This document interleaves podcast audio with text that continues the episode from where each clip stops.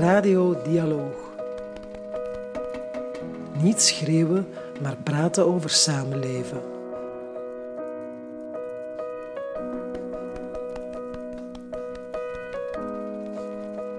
Conflict hoort bij het leven. Vrede is een hele lange rij van conflicten waar we goed mee om zijn gegaan.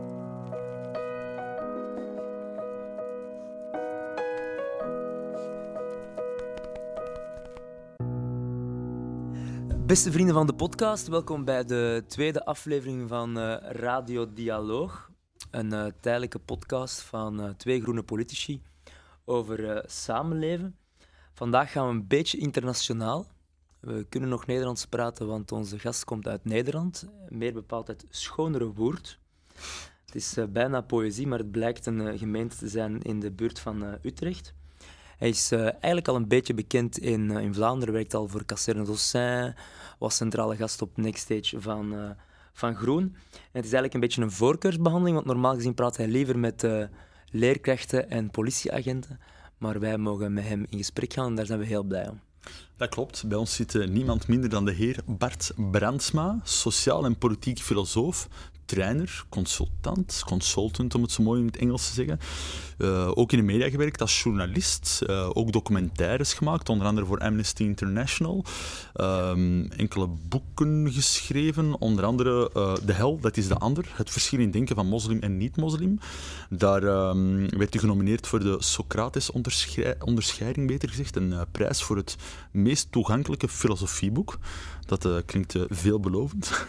en een ander boek um, dat ik onder andere van u heb gelezen, wat ik ook heel interessant vond, is het boek uh, Polarisatie, inzicht in de dynamiek van het wij-zij-denken. een soort van basisboek voor professionals om om te gaan met dialoog, met confrontatie met polarisatie. En ik vond het heel verhelderend. En mijn eerste vraag aan u is vooral, u wat drijft u om, om, om, om met die dingen bezig te zijn? Waarom die thematieken die u bezighouden? Van waar komt de drive? Dat begon um, toen ik journalist was. Ik werkte um, voor de Nederlandse moslimomroep.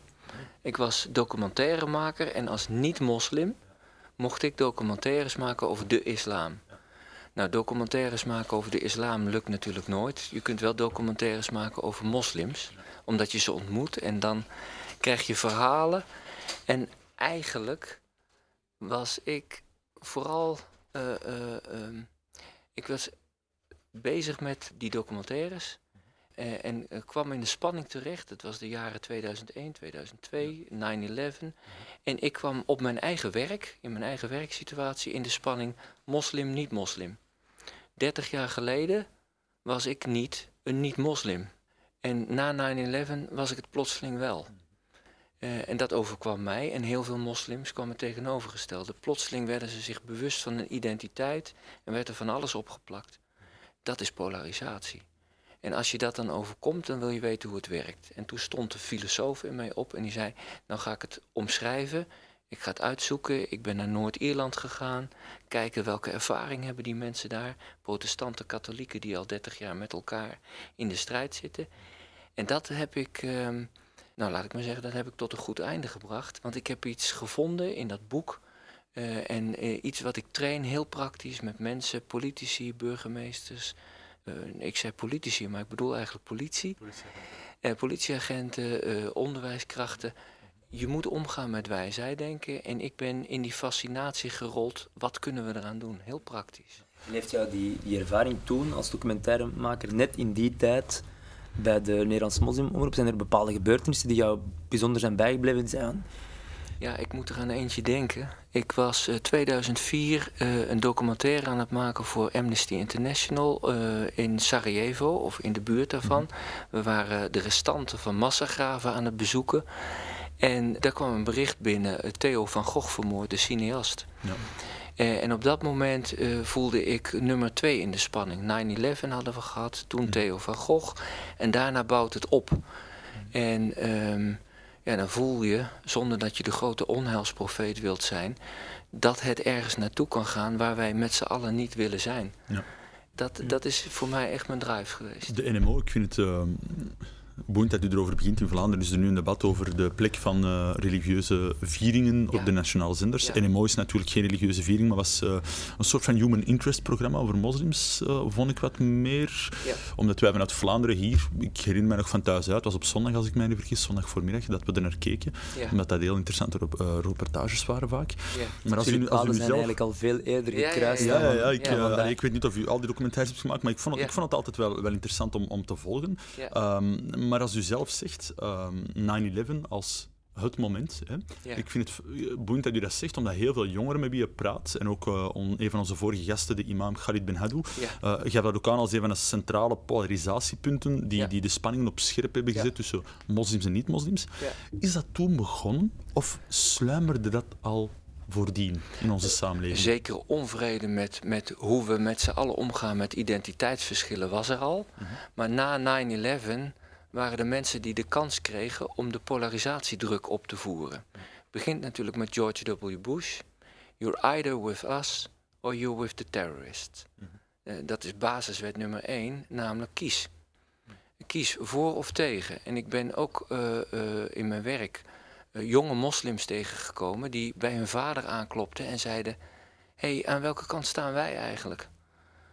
En als een vader op dat moment het antwoord schuldig blijft en niet heel helder is over aan welke kant je moet staan, en je bent jong, ja, wat ga je dan kiezen? Ben je dan tevreden met ik moet me ergens in het midden ophouden? Nee, dan ga je toch voor ofwel de een ofwel de andere kant. Dat is polarisatiedruk. En voor mij is hij, is hij in die spanning moslim-niet-moslim daar begonnen. Komt daar op dat moment ook nog de dood van Fortuyn, van Ja. Gogh bij. Ja. Allemaal dingen die, die wij gelukkig niet hebben meegemaakt in, in Vlaanderen. Waardoor ik ook denk dat Nederland het klimaat veel sneller en Ja. veel harder gepolariseerd is geraakt dan bij ons. Ik denk, ik denk dat wij nu een klein beetje beginnen mee te maken wat Nederland ondertussen al jaren meemaakt. Ja, en daar kun je in Nederland dan gerust ook echt nog, eh, hoe lullig het ook klinkt, de Zwarte Piet-discussie bij, bij, bij opvoeren. Daar, daar, daar wordt eh, de, de polarisatie blank eh, tegenover zwart gecombineerd met moslim-niet-moslim, gecombineerd met het debat autochtoon-allochtoon. En ik heb nu de kans om met mijn werk eh, op meerdere plekken in Europa eh, te kijken naar hoe staat het met polarisatie. Vorige week in Finland. En daar zie je dat men in die context nog heel erg zit met consensus. En we moeten het op een bepaalde manier met elkaar zien te vinden. En daar staan de eerste, de Nordic Resistance Movement, de eerste nationaal-socialisten, staan daarop om te laten zien waar ze voor zijn. In Duitsland ligt er nog weer een andere sensibiliteit. Ik heb zelf de indruk dat Nederland en België niet zo heel veel van elkaar verschillen. Dat was Ja. misschien mijn volgende vraag. Ja. In die zin, ehm, vroeger werd, toch althans in mijn belevenis, Nederland gezien als een soort van gidsland op het vlak van diversiteit Ja. en samenleven. De media, veel meer representation, kleur op het eh, beeldscherm, in de radio, in de media enzovoort. Eh, ook het aantal programma's, we hebben het er net over gehad. Ja. Maar nu lijkt het, zoals Christophe zegt, alsof Nederland een, eh, een inhaalbeweging heeft gemaakt op het vlak van polarisatie. Ziet u daar concrete verschillen tussen Vlaanderen en Nederland, of net niet? Of... Het belangrijkste verschil, maar dat doe ik ook op doordat ik in beide landen trainingen verzorg, of vormingen zoals we in Vlaanderen eh, zeggen. Ehm, ehm, het belangrijkste verschil is dat ik eh, in Nederland eh, de brutaliteit zie en een bepaalde manier van spreken die ook wel bij de Hollander past. En hier in Vlaanderen is, is toch hiërarchie op een hele andere manier van belang. Het optreden van de politie, heb ik ook zelf de indruk, eh, verschilt van de politie in Nederland. In Eh, welke zin? nou, er wordt hier fermer en repressiever. Hier. Eh, in, in, wordt, wordt- er toch gekeken naar, naar hoe gaan we om met de spanningen. En de, de rol van de wijkagent in, in, in Nederland is toch nog weer net een andere dan, dat ik, dan dat ik hem hier zie. De rol van de, de leerkracht of de docent in, in, in Vlaanderen eh, is ook een andere, waarbij hiërarchie meer aan de orde is dan in, eh, eh, dan in Nederland. Ja. Dus ik, het belangrijkste verschil dat ik zie is, ja, eh, er zijn hier meer hiërarchische verschillen. En dus zit er om die reden misschien ook wel wat meer, als er een kurk op de fles zit, komt die daar vandaan. Ja. Eh, en in Nederland is die kurk van de fles gegaan. En die kwam ergens anders Want vandaan. als ik de vergelijking maak, dan was het vooral het politieke debat, waar ik, zonder dat gedocumenteerd te hebben met een heel doc- doctoraat, eh, Ja. nu een stuk ervaar dat ja, de, de heftigheid van politieke debatten gelijkaardig wordt aan, aan die in Nederland de afgelopen jaren. Daar, daar, zie ik, daar Mm. denk ik dat Nederland een beetje voorop loopt of, Ja. of eerder was dan, dan, dan Vlaanderen. Ja, Eh, zo zie ik dat ook. ja. Ja. Maar oh, kijk uit, want Vlaanderen maakt een aardige inhaalslag. Ja, Helemaal mee eens. Daar zijn, Ja. we, daar zijn we het ook eh, Ja, ja, ja, zeker, ja. zeker mee eens. Ehm, misschien, misschien even stilstaan bij, nog, bij, bij 9-11. hè. Bush of, of Bin Laden. Mensen eh, worden plots met die keuze geconfronteerd en, en zijn niet altijd in staat om, om die keuze te maken. Is dat een beetje jouw belangrijkste bijdrage? Je zegt van, ik, ik wil daar een kompas aanreiken, eh helpen om, om, om, als je voor zo'n keuze geplaatst wordt, om net een andere keuze te maken? Eigenlijk is het grote pleidooi eh, dat, eh, dat je Polen hebt. En dat die Polen proberen om het midden tot een, een keuze te dwingen. Als de Polen, of de, wat ik dan noem de pushers op de Polen, eh, slagen in hun opzet, eh, dan blijven we zitten met een samenleving die zwart-wit denkt en die gepolariseerd is. Het tegengif is dat je het midden sterk houdt. Dus dat je zoveel mogelijk wapent om vooral in het midden te blijven staan. Eh, dat betekent dat je mensen die in het midden staan en, en, en eh, de polarisatiedruk weten te weerstaan, dat je die eh, sterk maakt, dat je die weet, weet dat je die op positie moet houden, maar die moet je dan ook heel veel aandacht geven. En wat je nu ziet, is dat er heel veel aandacht naar de Polen gaat. Naar die mensen die zich in de schijnwerpers weten te werken met het extreme geluid. En dat extreme geluid, dat zie je op links en op rechts. En wat had je dan bijvoorbeeld moeten doen? We kunnen de geschiedenis niet herschrijven, helaas, maar wat dan moeten we doen als samenleving, als politiek na 9-11 bijvoorbeeld? Misschien straks ook jou, wel eens toepassen op, de Zwarte Piet discussie. Om het... Ja. Wat een van de belangrijkste, eh, laten we maar zeggen, game changers is, is, eh, eh, is dat je gaat zoeken naar wat is het vraagstuk dat hier werkelijk speelt. Als je pushers hun zin geeft, eh, dan ga je bijvoorbeeld als het gaat om, om, om de Zwarte Piet discussie, ga je het hebben over, zijn mensen die voor Zwarte Piet zijn nou racisten Hmm. eh, eh, of niet? Dan ga je het hebben over de identiteit van de Polen. Als je het dan hebt over Bin Laden, is dat nou wel of niet een moslim? Of is dat nou wel of niet een echte moslim? Als je het hebt over moslims, zijn salafisten nu werkelijk gevaarlijk of niet gevaarlijk? Dat is het hele identiteitsverhaal. Als je daarover gaat spreken, dan weet je heel zeker dat je polarisatie gaat voeden. Dus wat hebben wij te doen, en wat hebben wij hier met z'n drieën aan tafel te doen, is het vraagstuk vinden wat nu werkelijk voor onze samenleving van belang is of wat voor de buurt van belang is. Wilt, wilt u nu eigenlijk zeggen, dat vind ik een heel boeiende, hè? Wilt u zeggen dat je problemen, eh, dat je niet meer over identiteit mag spreken? Of dat je de problemen niet mag geleiden tot identiteit en dat je de problemen centraal moet stellen? Ah, wel, ja, voilà. laatste. Dus Omdat de, er- de problemen niet herleiden tot Ja. identiteit. Ja. Dat identiteit voor ons belang is, Mhm. van belang is, Ja.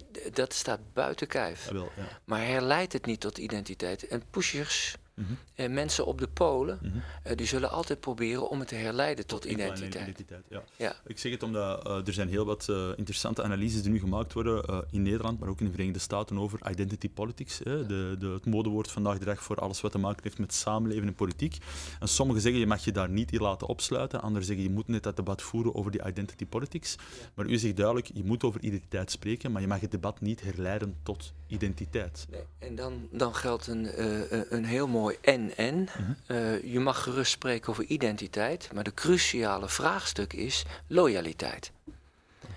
En daarmee bedoel ik, als we eventjes kijken, heel plat gesproken zou je kunnen zeggen, die ene Vlaming van islamitische snit, Mhm. eh, die heeft een, een loyaliteit met het geloof, de islam. Mhm. Een andere Vlaming, laten we zeggen van, van autochtone snit, Mhm. Eh, die kan een eh, loyaliteit hebben met het christendom. Mhm. Mij maakt dat niets uit. Ik vind het pas vervelend worden als die Vlaming van christelijke of, of van islamitische komaf alleen maar loyaliteit heeft met het geloof. Ja. Dus het gaat om spreiding van loyaliteit. Op het moment dat iemand heel veel loyaliteiten kan tonen, Mhm. dan is hij wat mij betreft geïntegreerd Vlaming. Ja. Ehm, maar dat betekent dus wel dat je eh, als, als moslim niet kunt volstaan met... ja, wacht eventjes, ik ben nu eenmaal moslim, Mhm. je kent mij daarmee voldoende. Nee, dan ben je en moslim en solidair met mensen die in het parlement jou vertegenwoordigen. En je hebt een kind op een school, dus je spant je in voor de school, et cetera, et cetera.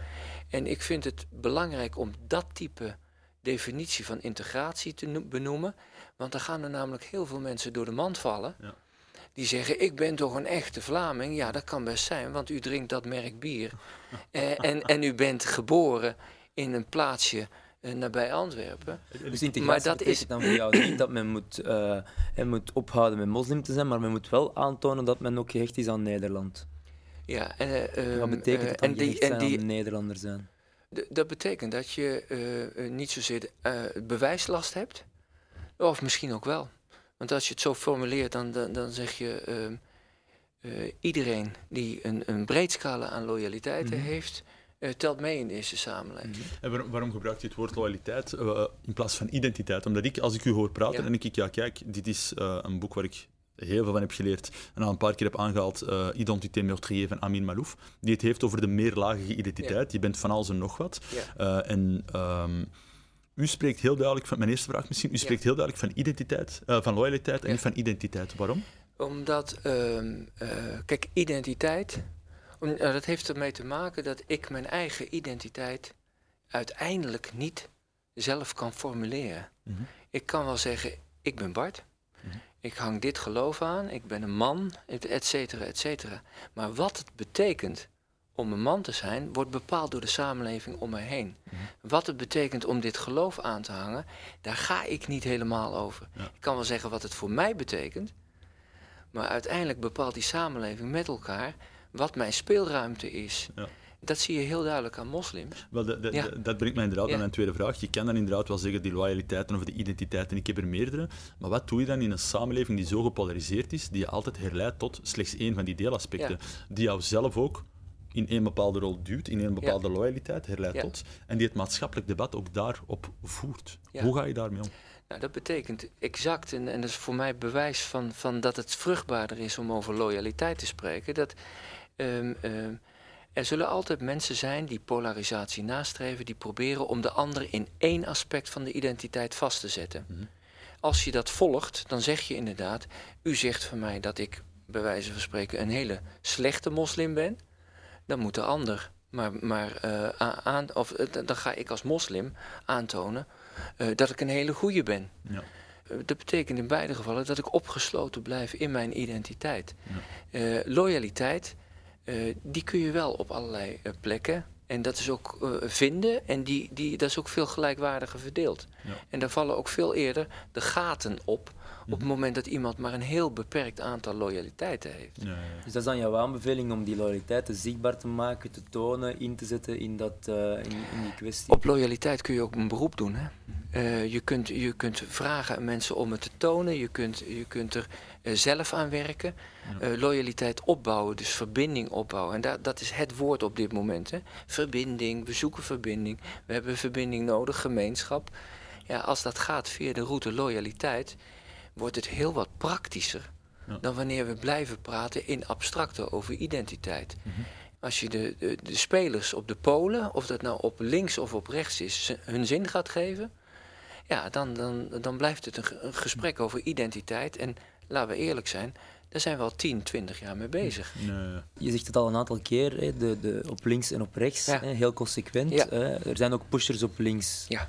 Ik denk dat onze luisteraars heel benieuwd zijn om, om die te leren kennen. Ja. Of, over wat en wie gaat het dan eigenlijk? Ja, dat is eigenlijk voor mij een beetje... Je moet je niet houden omdat je op een nee, progressief kanaal zit. Helemaal niet. Dat is eigenlijk voor mij ook een beetje een ontdekkingstocht. Want die, laten we uh, maar zeggen, de pushers op rechts, de mensen die heel sterk zeggen waar het om gaat, die zijn wel zichtbaar. Mm -hmm. En uh, die spreken zich uit. Uh, en dat daar in mijn ogen, doordat ze zich dat pushersgedrag aanmeten, dat daar blinde vlekken zitten, is voor mij ook zichtbaar. Op links zitten mensen die ik heel duidelijk zie, zie opereren vanuit het idee: ik ben toch voor die mensenrechten ik ben toch de normaal. Ik streef toch werkelijk alleen maar het juiste na. De moral high ground eigenlijk? Of? Ja, en, en wat men ook de, de, de rood-groene bubbel zou, uh, zou kunnen noemen. Mensen die, die toch eigenlijk denken, ja, maar ik ben die norm. En al heel lang zijn we met elkaar die norm. En ik bespeur daar steeds meer ook in trainingen dat er mensen tussen zitten die, die eigenlijk die in Nederland de PV, PVV-stemmer een hele lastige hobbel vinden. Een obstakel, een, een, een, een, een figuur waarvan ze denken, die heeft toch echt die oogkleppen op. Ik zou willen dat ik ze er nu af kon trekken. Want die mensen moeten gaan inzien wat ik inzie.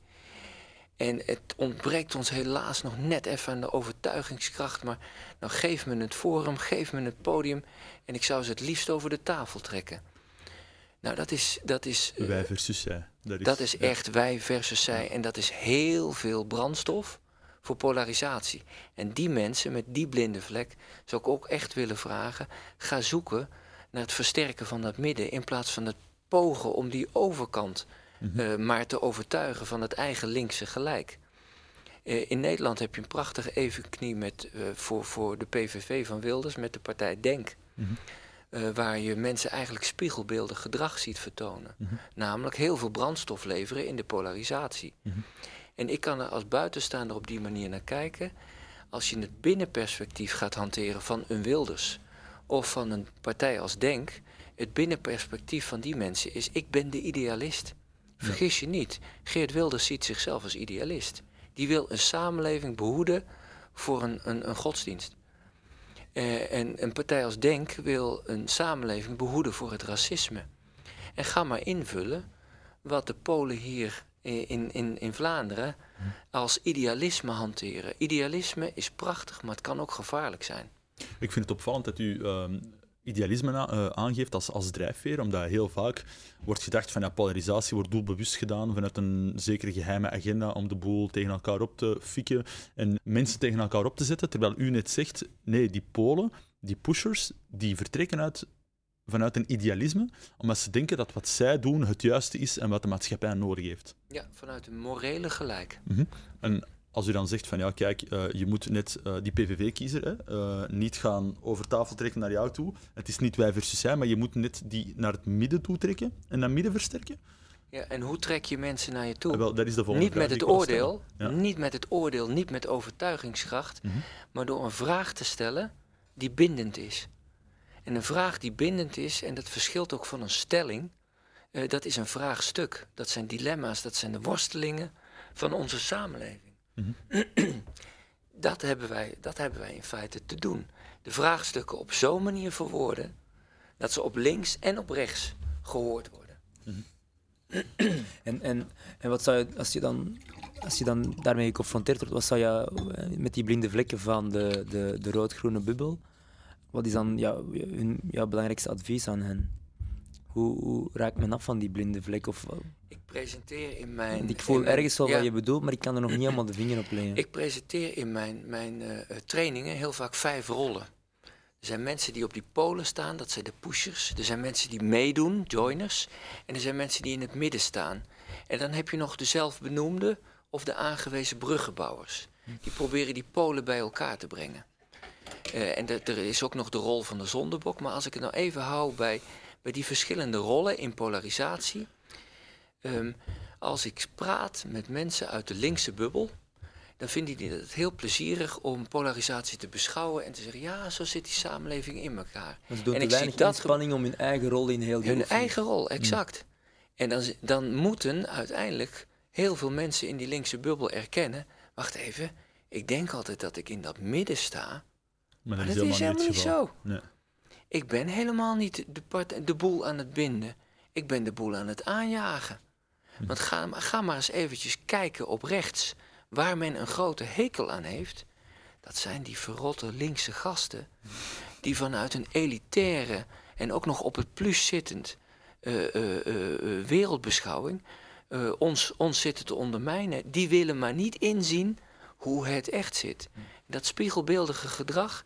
Dus ik hoop dat je aan mij hoort. Ja, ja. Of dat jullie aan me horen dat dat niet is in een veroordelende zin. Mhm. Maar het is, ga nou eens kijken wat je zelf aan het doen bent. En soms ben je echt die pusher, terwijl je met al je goede bedoelingen denkt dat je het midden aan het versterken bent.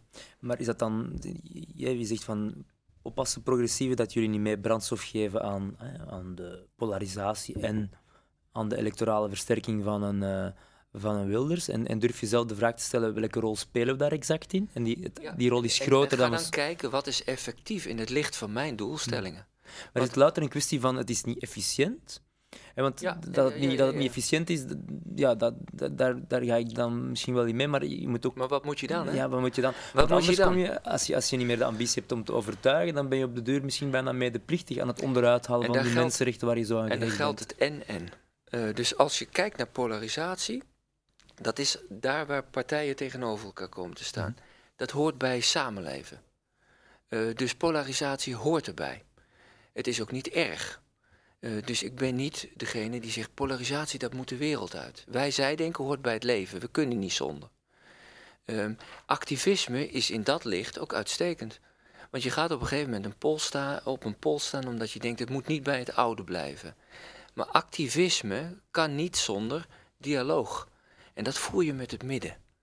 En wat ik zie is, eh, ik zie veel activisten die zijn van de dialoog eh, eh, geschoten naar de monoloog. En verstaan alleen de kunst van de monoloog. Namelijk, ik ga, en, en ja, worden daarbij ook nog wel geholpen door het klimaat op televisie en op de Ja, ja. radio en Twitter, et cetera. Want daar is de monoloog wel heel erg gaan meehelpen. Eh, en ik denk dat jongere generaties opgroeien met het idee: politiek voor je mening opkomen, dat is een monoloog afsteken. Ja, er is niets met Niet, mensen niet die toevallig, niet toevallig heet onze podcast Radio Dialoog. Dialoog, ja, inderdaad. Daar was geen discussie over. We hebben een aantal jullie- gediscussieerd. Maar er is, het is nooit een optie geweest om een radiomonoloog Monoloog van monoloog te van te maken. Nee, nee, ik, ik vind het eigenlijk... ey, ik vind dit heel boeiend. U zegt, ehm, kijk, polarisatie, ehm, je hebt pushers, je mag mensen niet heel erg tot één deel van hun identiteit, dat ontwricht voor een stuk het politiek debat.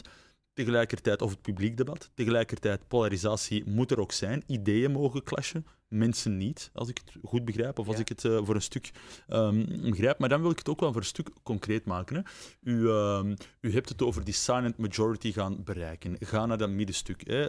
Eh, wees je bewust van je rol in het polariserend debat. Ga naar dat middenstuk. U geeft trainingen, vormingen, Ja. zoals we hier in Vlaanderen zeggen, Ja. eh, aan de politie, ook in Rotterdam. Een Ja. heel diverse stad. Ja. Ik ben benieuwd hoe je dan daar concreet bijvoorbeeld aan die mensen zegt: kijk, de sfeer is gespannen in een bepaalde wijk. We kennen dat ook hier in Vlaanderen bijvoorbeeld, tussen, tussen bepaalde bevolkingsgroepen of tussen bevolkingsgroepen en de politie misschien. Zorg ervoor dat je die silent majority aanspreekt. Zorg ervoor dat je depolariseert. Hoe doe je zoiets? Maak dat eens concreet.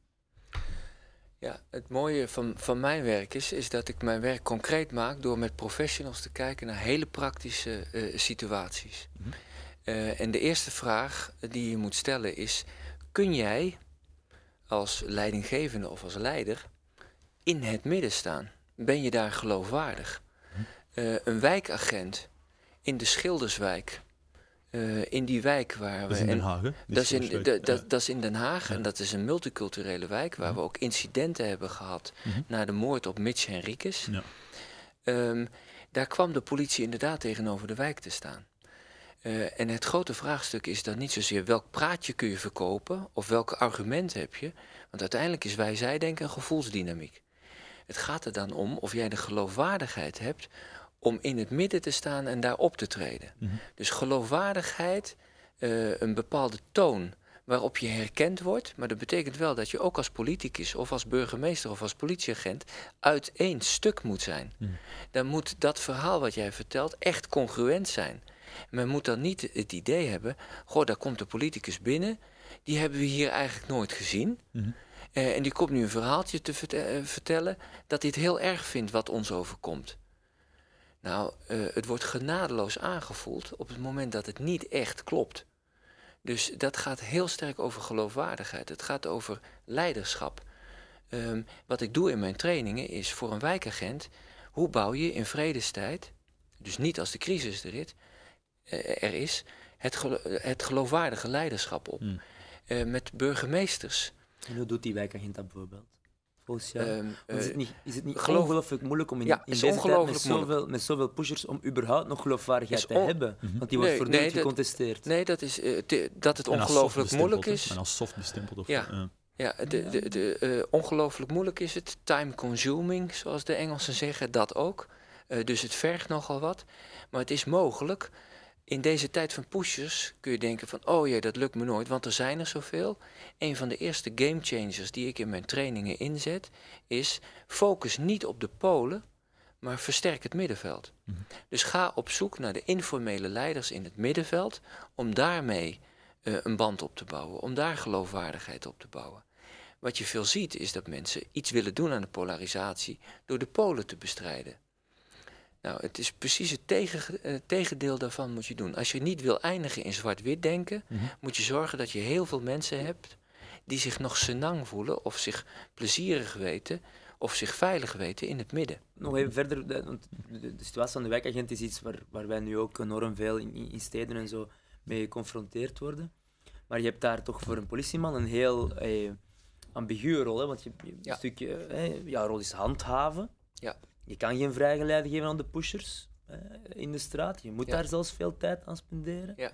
En tegelijkertijd zeg je, ja, niet te veel tijd aan spenderen, heel veel met die middengroep bezig zijn. Maar dat zijn mensen die ze dat is misschien niet zo heel vaak spanningsveld. tegenkomen. Nou, dat is precies het spanningsveld. Ik heb met de korpschef eh, in Limburg in, in, in, eh, eh, daar is over gesproken.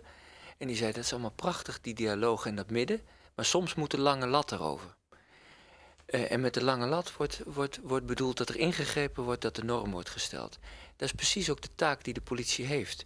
De politie gaat mis op het moment dat ze alleen maar de lange lat erover doet. En dat gesprek niet voert. En ze gaat ook mis op het moment dat ze heel liefelijk alleen maar dat gesprekje gaat voeren. En dat is precies wat, wat voor, van de politicus ook wordt verwacht. Een echt leider laat op een zeker moment zien hoe het zit, maar is wel heel goed in staat om te luisteren.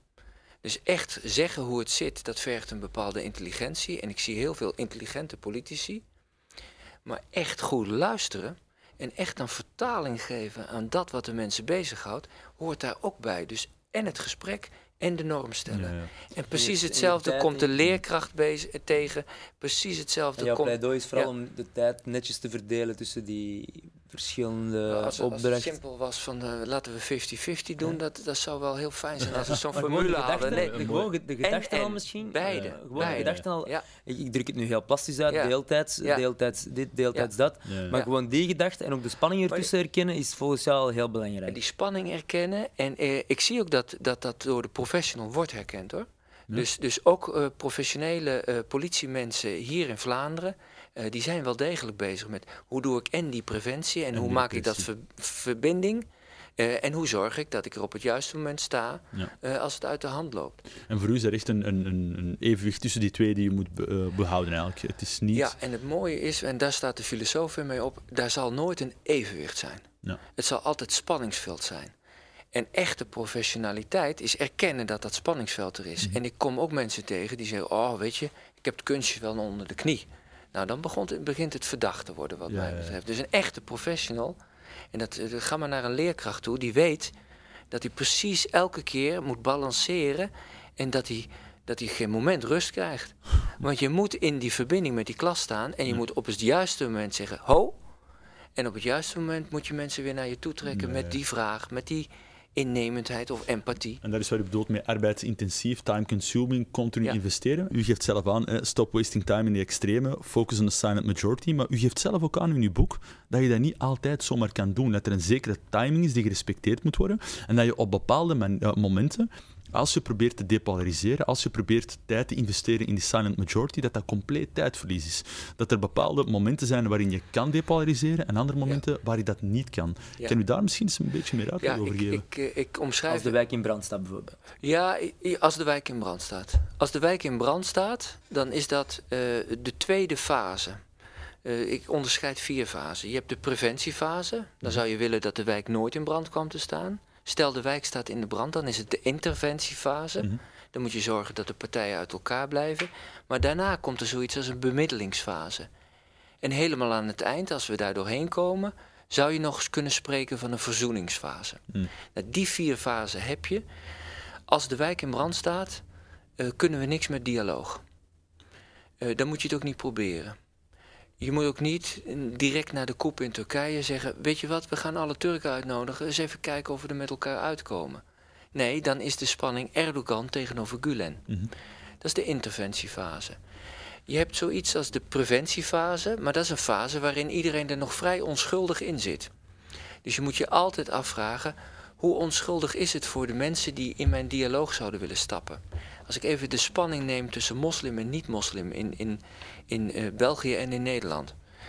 Veel mensen denken dat we vrijblijvend kunnen gaan praten over, goh, um, het geloof en, en de, de samenleving en hoe we daar, daar uh, in harmonie zou, zouden kunnen samenloven, leven. Naar mijn idee is het op dit moment zo dat er voor veel partijen in de samenleving absoluut niet het gevoel is dat we met elkaar heel uh, vrijblijvend over harmonie kunnen gaan praten. Veel moslims hebben het gevoel dat ze al lang conflicten achter de rug hebben. Die hebben ook pijn van wat zich heeft afgespeeld. Mm -hmm.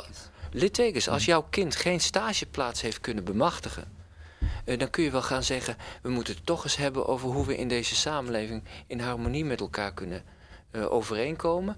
Dat gaat niet veel zoden aan de dijk zetten. Mm. Dus timing is heel erg belangrijk.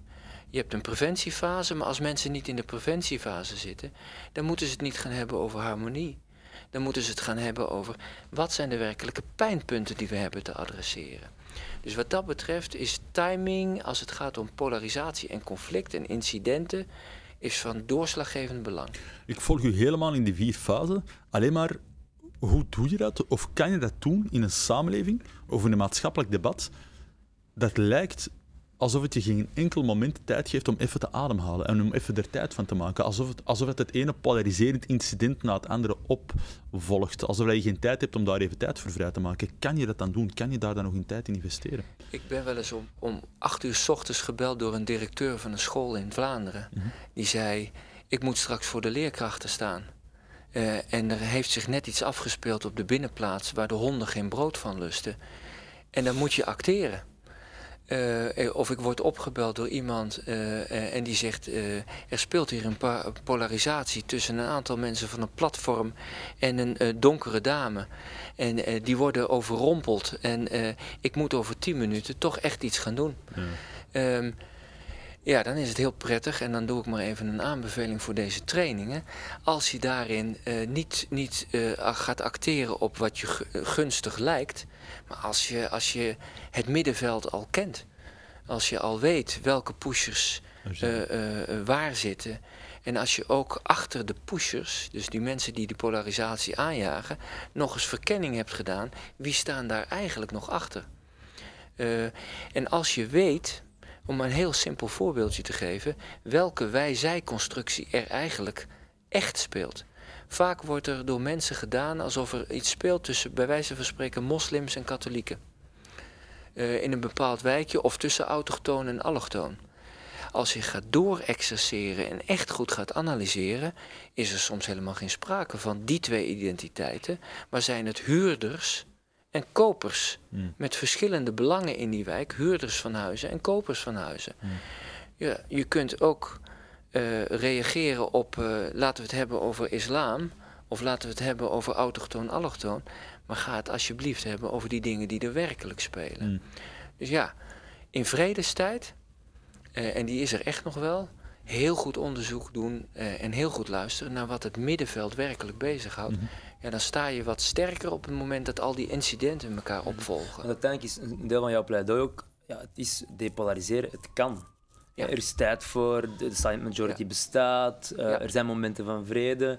Um, en als je daar genoeg aandacht voor hebt, dan... Dan kan het, maar let op, er zit een bepaald beschavingslijntje. Uh, en daarmee bedoel ik dat polarisatie op een zeker moment ook om kan slaan. En dan wordt het opeens heel gevaarlijk en heel gemeen. Uh, als ik even Rwanda neem, mm. in drie weken tijd verhuis je van een heel gewone polarisatie. We weten allemaal wel dat de Hutus en Tutsis bestaan. Verhuis je in één keer naar een burgeroorlog. Wat zich in de stad Rotterdam afspeelde na de coup in Turkije tussen de Erdogan-pol en Gulen-pol, dat ging over het beschavingslijntje heen. Mm. Op dat moment helpt er niets meer.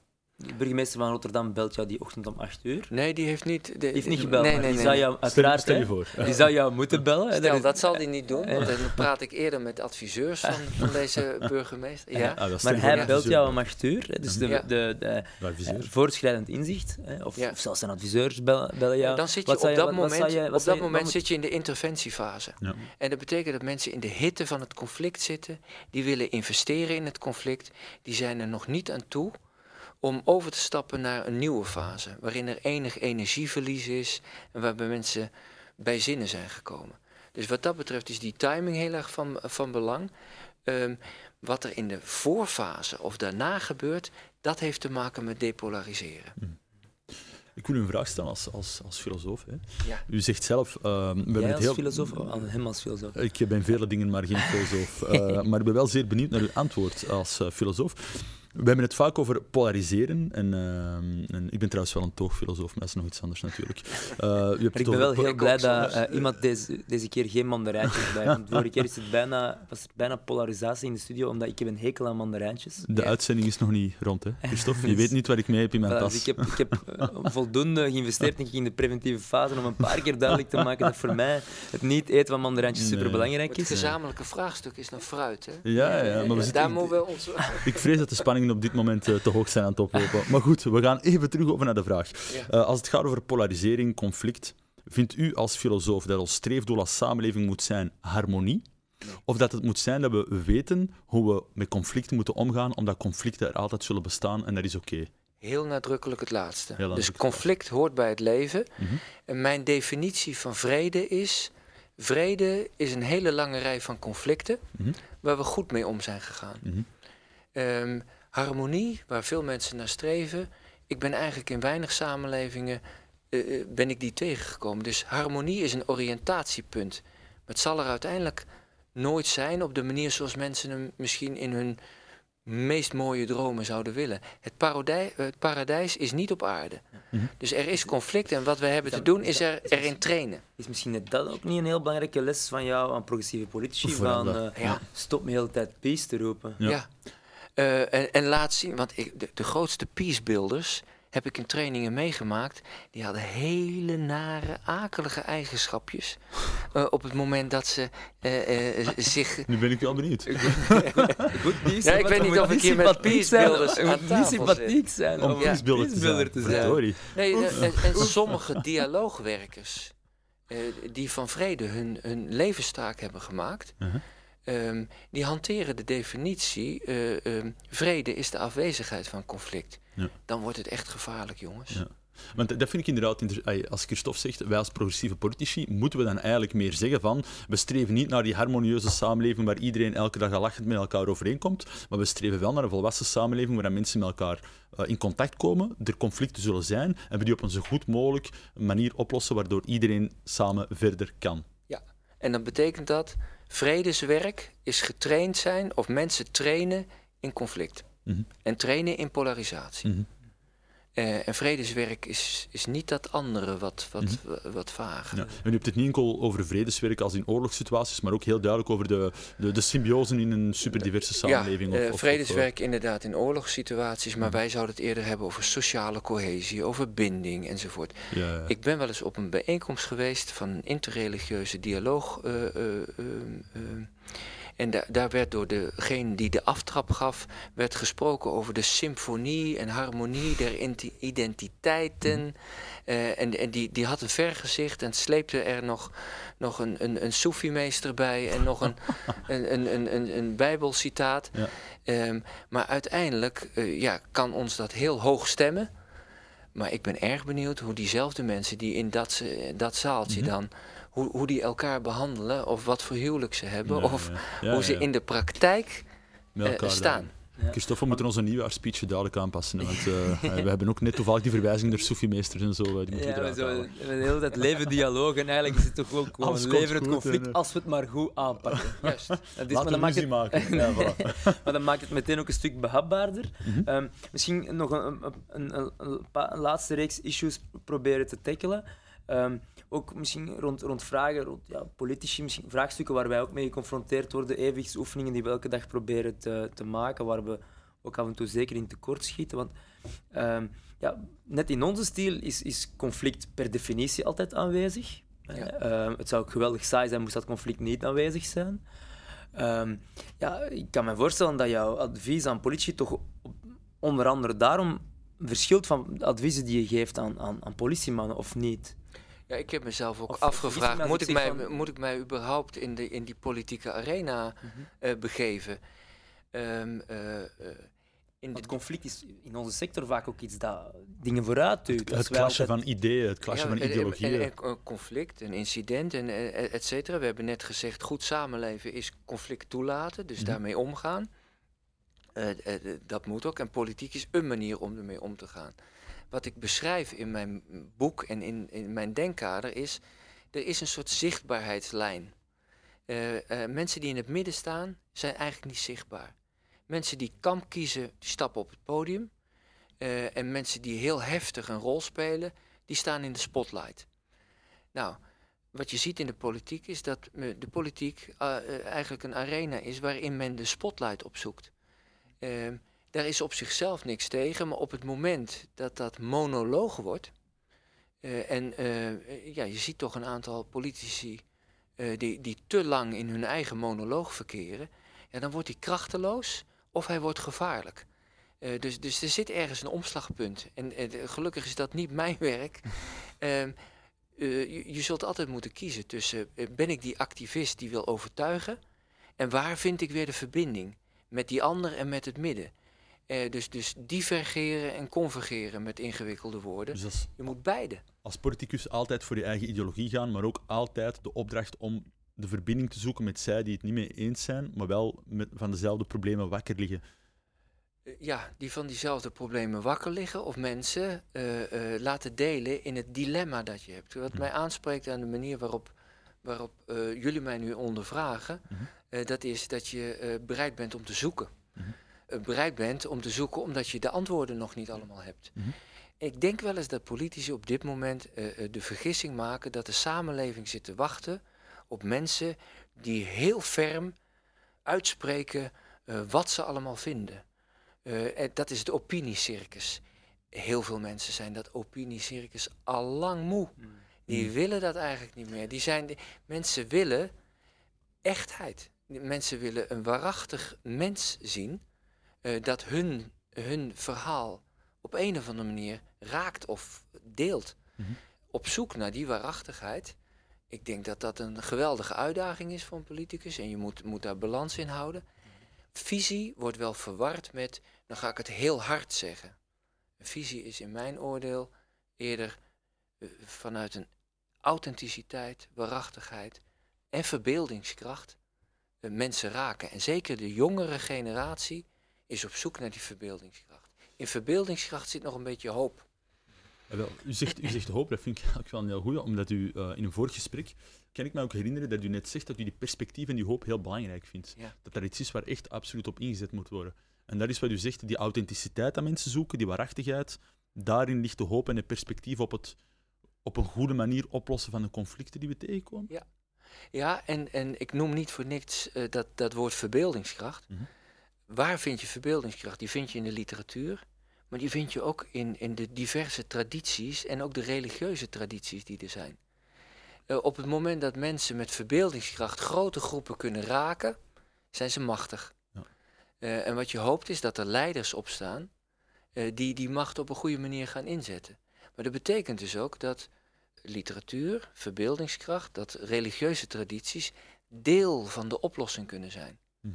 En niet zozeer de grote oorzaak van alle ellende. Mhm. Ik vind het altijd moeizaam wanneer mensen zeggen: ja, als we nou de ideologie eens op voor, voor weg zouden schuiven. en als we nou eens al die, al die rollen, hè, dat het christendom, wat dat allemaal niet voor kwaad heeft berokkend. Nou, over de islam hoeven we het helemaal niet te hebben. Ja. Als je ziet hoeveel kelen daar zijn afgesneden. We doen afstand van alle, alle prietpraat. Nee, ik denk dat we die juist heel hard nodig hebben. Want in de traditie van de islam, van het christendom, van de literatuur, en ik noem de literatuur dan maar even als de seculiere traditie, Mhm. daar moeten we het van hebben. De verbeeldingskracht die mensen op dat punt kunnen aanboren en op, om kunnen zetten in leiderschap, ja, daar geloof ik in. En ik denk wel eh, dat in die drie tradities die ik dan net noemde, dat we daar met z'n allen grof in tekort schieten. We, we hebben misschien ook wel een beetje het idee dat verbeeldingskracht soft is. Of dat we daar Ja. niet zoveel in hoeven. Ja, kijk uit, want voordat je het weet stapt er een intellectueel op het podium met verbeeldingskracht. Maar op uiterst rechts of op uiterst links. Mm. Nou, daar zitten we niet op te wachten. En verbeeldingskracht vraagt ook energie. En dat is bijvoorbeeld iets dat, dat ik merk, hè, als je dag, dagelijks aan politiek doet. Dat echt zoeken is naar tijd en ruimte om te werken aan die verbeeldingskracht. Ja. Het opiniecircus dat u beschrijft is, is enorm energieslorpend. Ja. Mag je denk ik ook niet aan je laten voorbij gaan, want dan, dan riskeer je toch een stuk monopolievorming van Ja. Hm. de polen op links en de polen op rechts. Dus Ja. je, je moet je daarin in weren. En wat ons betreft en wat mij betreft met heel veel overtuiging ook. Hè, dat, Ja. dat hoort bij onze stijl. Ja. Maar wel altijd met, eh, met ja, zoeken naar, naar ruimte en momenten. En initiatieven zoals deze passen daar voor mij in. Mm. Om, Ja. om, eh, om inspiratie op te doen, om, Ja. om dan weer eh, verbeeldingskracht te ontwikkelen. Ja. Dat, is, dat, dat is een van de grote uitdagingen, denk ik, Ja, van een politicus in, in, in deze tijd. Want je helemaal terugtrekken, nee. dat, is, doen. dat is helemaal... Dat- eh, daar, daar wil ik Dan word je over- irrelevant. je Dan moet- word je gewoon irrelevant. je moet- Dan word je irrelevant. En dan ben je medeplichtig aan, aan de Ja. overwinning van de Polen. Ja. ja, en dan is het wel heel mooi, want dan zeg je eigenlijk, eh, het is een energievraagstuk. Eh, een, een van de basiswetten binnen mijn denkkader is, eh, polarisatie eh, heeft altijd brandstof nodig. Mm. Eh, en we zijn met z'n allen heel erg bereid om die brandstof te leveren. Praten over de identiteit van de tegenpolen, et cetera. Ehm, maar waar haal ik de energie vandaan om ook dat andere te doen? Dat is een energievraagstuk. En dat, die moet ieder, en zeker, kijk, als je de echte grote leiders vraagt, waar haalde jij het nou vandaan om er te zijn op het moment dat ieder, eh, iedereen de weg kwijt was? Ja, dan hoor je toch wel heel vaak dat iemand dan eventjes, ochtends bijvoorbeeld een half uurtje yoga deed. of eventjes eh, op de fiets naar het werk ging. Ja, Ik zit nou eventjes in, in het straatje van Groen te praten. Eh, heel, Als u, heel, als, u, als u denkt dat Christophe Witte yoga doen, dan uh, kent u ons niet goed genoeg. Iemand blijft gewoon liever een half uur langer in zijn bed Ja, liggen. absoluut. En dat Ja, ja. Ja, en, en, en, toch zit hij. nou ja, eh, eh, ehm, je hoeft hem niet vaag te maken, maar je moet hem ergens vandaan halen. en Ja, als iemand absoluut. het haalt uit, uit het le- herlezen van een goed boek, Ja, ja. of het lezen van een goed boek, muziek, Absoluut. eh, maar als je dat niet als tegenwicht hebt, volgens mij zaten jullie dan hier ook niet. momenten zoals deze zijn, ik spreek voor mezelf, maar ik denk ook voor iemand, zijn momenten die, die inspiratie opdoen. Het is geen sessie yoga, maar het zijn wel momenten die ons sterken Ja. in de Ja, arena. ja, de arena ja. waar we met sterke overtuigingen Ja, ja. onze tegenstanders, want die Ja. zijn er in de politiek, wel te lijf willen gaan. Maar als het Mhm. alleen maar de arena is, Mhm. Ja, dan, dan, Ja, dan ontbreekt dan inspiratie en dan kan je ook niet sterk zijn in die arena. Ja, denk ik. Dan hol je Ja, uit. ja, Dan- dit geeft, ook- dit ja. En geeft dat is ook wel- energie, wat mij betreft. Dit geeft inspiratie en energie. Ja. Eigenlijk, eh, u had het net over leiderschap. en, eh, welke eh, leider? Ja, wel, Ja. voilà, dat, dat vind ik wel heel fascinerend. Misschien de, de, de laatste vraag. Christophe en ik zijn jonge politici. Ehm, en wij hebben veel ambitie. Maar als u het hebt over leiderschap, hè, wat zijn voor u Oh. de, de kenmerken van een goed leider? En welke zijn van die memorabele leiders waarvan u denkt: Goh, dit is echt een inspiratie. Dit, die persoon geeft mij energie of gaf mij energie. Of, of, of, eh, Ja, Welke biografie moeten we zeker gelezen hebben? nou ja, de, ik, ik ga daar of toch. Kijk, zien. moet je je voorstellen dat ik, ik werk als consultant en ik, ik heb ook even getwijfeld om of ik überhaupt in de politieke arena dingen wil zeggen. Want Mhm. op het moment dat je iets gaat zeggen, eh, dan word je. eh, hè, ik, ik kan natuurlijk een on- onverdacht voorbeeld nemen, dan ja, zeg maar ik Nelson Mandela. Maar, maar los, Ja, ja, los tuurlijk. van, Maar dat hebben we niet zoveel. maar los van, los van, Ja. van, van die vraag van hè, het Ja. iemand zijn van veraf, van dichtbij, eh, uit. nou, of ik, dood. ik kan een heel simpel je wel voorbeeld. Zeker, ik denk dat mensen zoals jij moeten, jou moeten zich begeven in de politieke arena. Ja. Moeten, politici, moeten politici coachen moeten, en moeten, de, de Ja. politiek analyseren, ook Ja. voor een stuk. En, en, en het mechanisme van polarisatie blootleggen misschien ook. Ja, de- de- en, en daar ben ik natuurlijk dag in dag uit mee bezig. En, en, en door heel Europa. Dus, Mhm. dus echt heel, heel intensief. Ik zal een voorbeeld geven in een eh, volkomen simpele eh, hoek.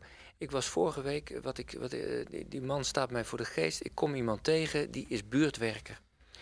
Eh, als je eh, hem op straat tegen zou komen, is er geen knip voor de neus waard. Weet je? De, eh, de man heeft een appearance van niets. Maar als hij tussen polen staat, dan is hij net die figuur die niet bedreigend is, die vragen weet te stellen. Blinkt misschien niet uit in intelligentie of verbale vaardigheid, maar heeft wel de empathie en het luistervermogen. Kijk, dat is toch een soort leiderschap op het moment dat het erop aankomt. Ehm, ik zoek het daar. Ik kom soms ehm, eh, een, een, een gebiedsdirecteur tegen in een grote stad en denk, god die man. Eh, iemand die ik echt geweldig vond daarin, Eberhard van der Laan, Amsterdamse eh, burgemeester. Die wat mij betreft eh, steeds de mildheid en het leiderschap had en het vraagstuk wist te verleggen, waardoor hij nooit in de val van de pushes trapte. Mhm. Dus er zijn wel voorbeelden te noemen, Mhm. maar ik wil eigenlijk niet dat ene voorbeeld op links of dat ene voorbeeld nee, op rechts noemen. Nee, We nee, kunnen. Barack Obama gerust noemen, in de zin dat hij altijd op een of andere manier uitstraalde bij zijn, bij zijn eh, lezingen, dat hij verbinding maakte met, met iedereen in het gehoor. Mhm. Dus op een of andere manier had hij het vermogen om iedereen te raken met, met het bindende vraagstuk. Mhm. Maar het kan voor mij net zo goed. Ik vind eh, dat ja, progressieven vaak te kritisch zijn voor, voor Obama. Allee, dus vandaag is het eh, veel populairder ter linkerzijde om een poster van Bernie Sanders boven je bed te hebben dan, dan Obama. Maar ik denk dat voor de wereld de houding van Obama ja, en dus zelfs ook het soms verliezen van ideologische gevechten veel belangrijker is dan de, de ideoloog of de activist Bernie Sanders. ja. ja het, eh, in, in die zin heeft hij, heeft hij eh, toch maar mooi acht jaar uitgediend. Mhm. En heeft hij een bepaalde waarachtigheid. Naar mijn idee, toch. En, en de- dat zou eerder het criterium zijn waarop ik wil gaan kijken. Mhm. En eh, ja, kom je in de hogere regionen van de politiek die waarachtigheid tegen? Soms wel. Mhm. Soms wel. Dat brengt ons al heel dicht bij de afsluiter van onze Mhm. aflevering. We eindigen altijd met een aantal dilemma's. Ah. Een, een format waar we zelf een hekel aan hebben. Niet altijd even serieus hoor. Niet altijd even serieus. We, eindigen af en toe met een Ik, ik vrolijke... zag de spanning al in Ja, je ja, we gezicht. eindigen af en toe met een vrolijke, vrolijke noot. Maar we denken van ja, als we een, uur echt ten gronde hebben gepraat, dan, dan mag je het ook een beetje formatiseren aan het, aan het einde. Ja. En het is nog een kans voor onze luisteraar om, om je nog beter te leren kennen. Dus we zouden tot slot een aantal dilemma's op jou willen loslaten. Misschien met een heel luchtige beginnen. Mhm. Ajax, Feyenoord of PSV? Oh, interesseert me echt niks. Oh, heerlijk. Nee, interesseert me echt, echt helemaal niks. Sport zegt u helemaal niet? Jawel, eh, ik, ik, hou, ik, ik, hou van sport, maar, maar eh, nee, nee, jongens. En, een andere vraag. Leest u liever een heel goed boek of gaat u liever naar een ontzettend goed concert? Op dit moment liever dat, eh, dat concert. Ja. Wat mag dat dan zijn? Welke muziek? Oh. Hip-hop. Nee, nee, nee, nee, nee, nee, nee. Techno. Nee, nee, nee, nee. Ik ben, ik, nee, ik ben toch ik heb gisteren op Spotify wat, wat oud werk eh, zi- zitten eh, luisteren, maar dan, dan kom je echt. Dan kom ik nu niet mee. ons alvast. We gaan, we, gaan, we gaan geen oordeel vellen, want anders zouden we weer zo... Nee, ik heb, ik heb zitten luisteren naar Carol King. Eh, en eh, ja, die ken je niet. Iedereen Nee. knikt hier van wie is Carol King? Nee, nou, dat- knikt- Carol King. Wie is Carol nee, King, Christophe? Nee, Carol King was, een- was, een soort, wa- wa- was een soort Adele van toen. Ah, ja. Dus dat, dat, dat is. eh, nee, dat, dat is Mhm. wel waar ik het van moet hebben. Ja. Wat, zo- wat zoekt u eigenlijk in muziek? Wat, wat spreekt u aan? Wat, wat, wat is goede muziek? Ja, dit, naast, eh, ik hou, hou toch ook wel heel erg van, eh, eh, ik ga regelmatig zo, zo naar een klooster, een Benedictijns klooster. Mhm. En eh, eh, op, daar, daar zoek ik wel dat, de muziek die optilt. Mhm. En eh, bij Carol King eh, of Adele, Eh, dan is het gewoon een beetje zwijmelen. Tot rust komen. heerlijk. Nostalgie of melancholie. Ja, Energie tanken. Ehm, sorry of dankjewel, wat is het belangrijkste in jou? eh voor jou? Dankjewel, dankjewel. Ja.